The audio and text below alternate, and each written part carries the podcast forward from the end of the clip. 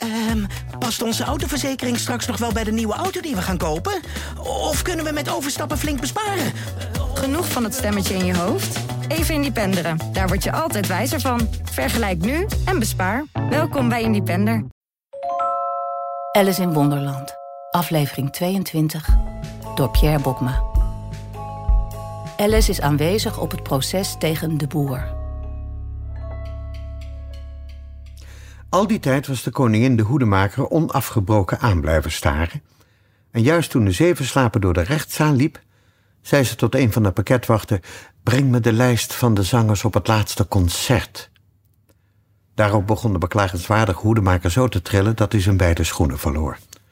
Leg getuigenis af, herhaalde de koning boos, anders laat ik je terecht stellen, zenuwachtig of niet. Ik ben een matig mens, majesteit, begon de hoedemaker met trillende stem.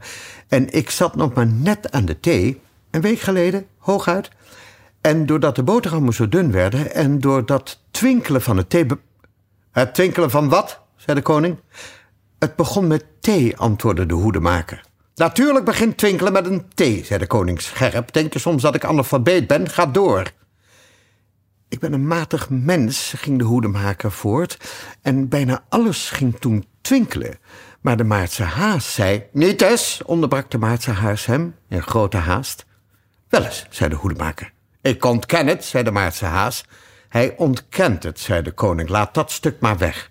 Nou, in elk geval, zei de zevenslaper, ging de hoedemaker door... terwijl hij angstig rondkeek om te zien of hij het ook ging ontkennen, maar de zevenslaper ontkende niets, diep in slaap als hij was.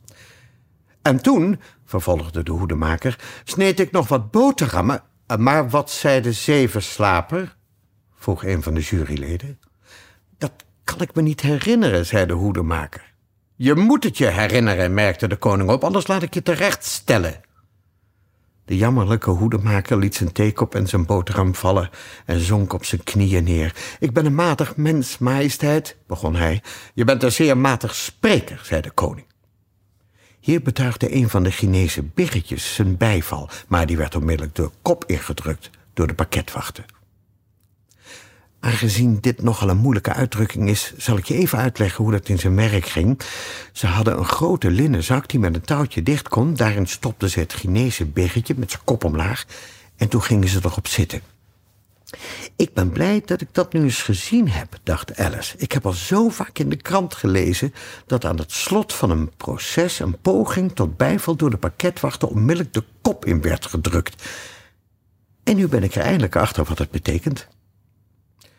Als dat alles is wat je ervan weet, dan ben je weer op vrije voeten, vervolgde de koning.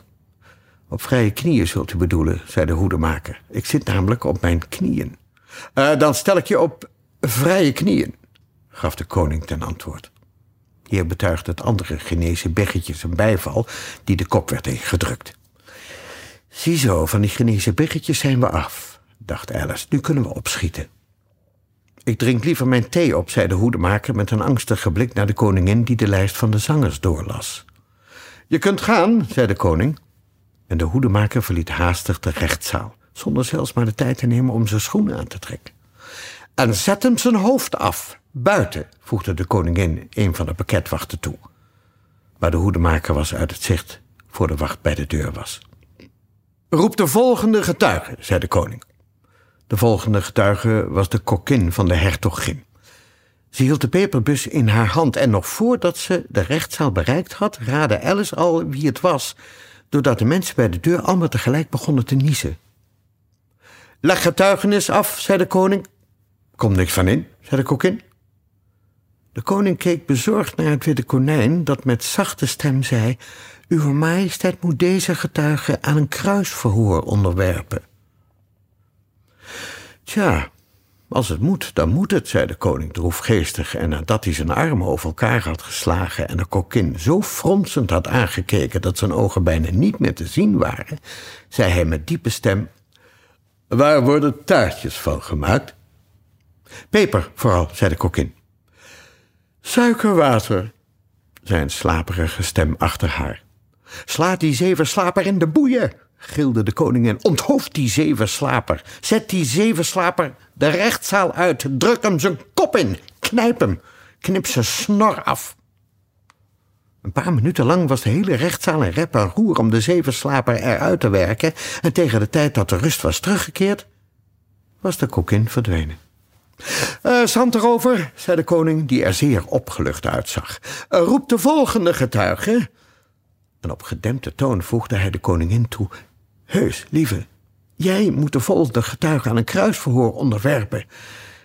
Ik krijg een kramp in mijn voorhoofd van.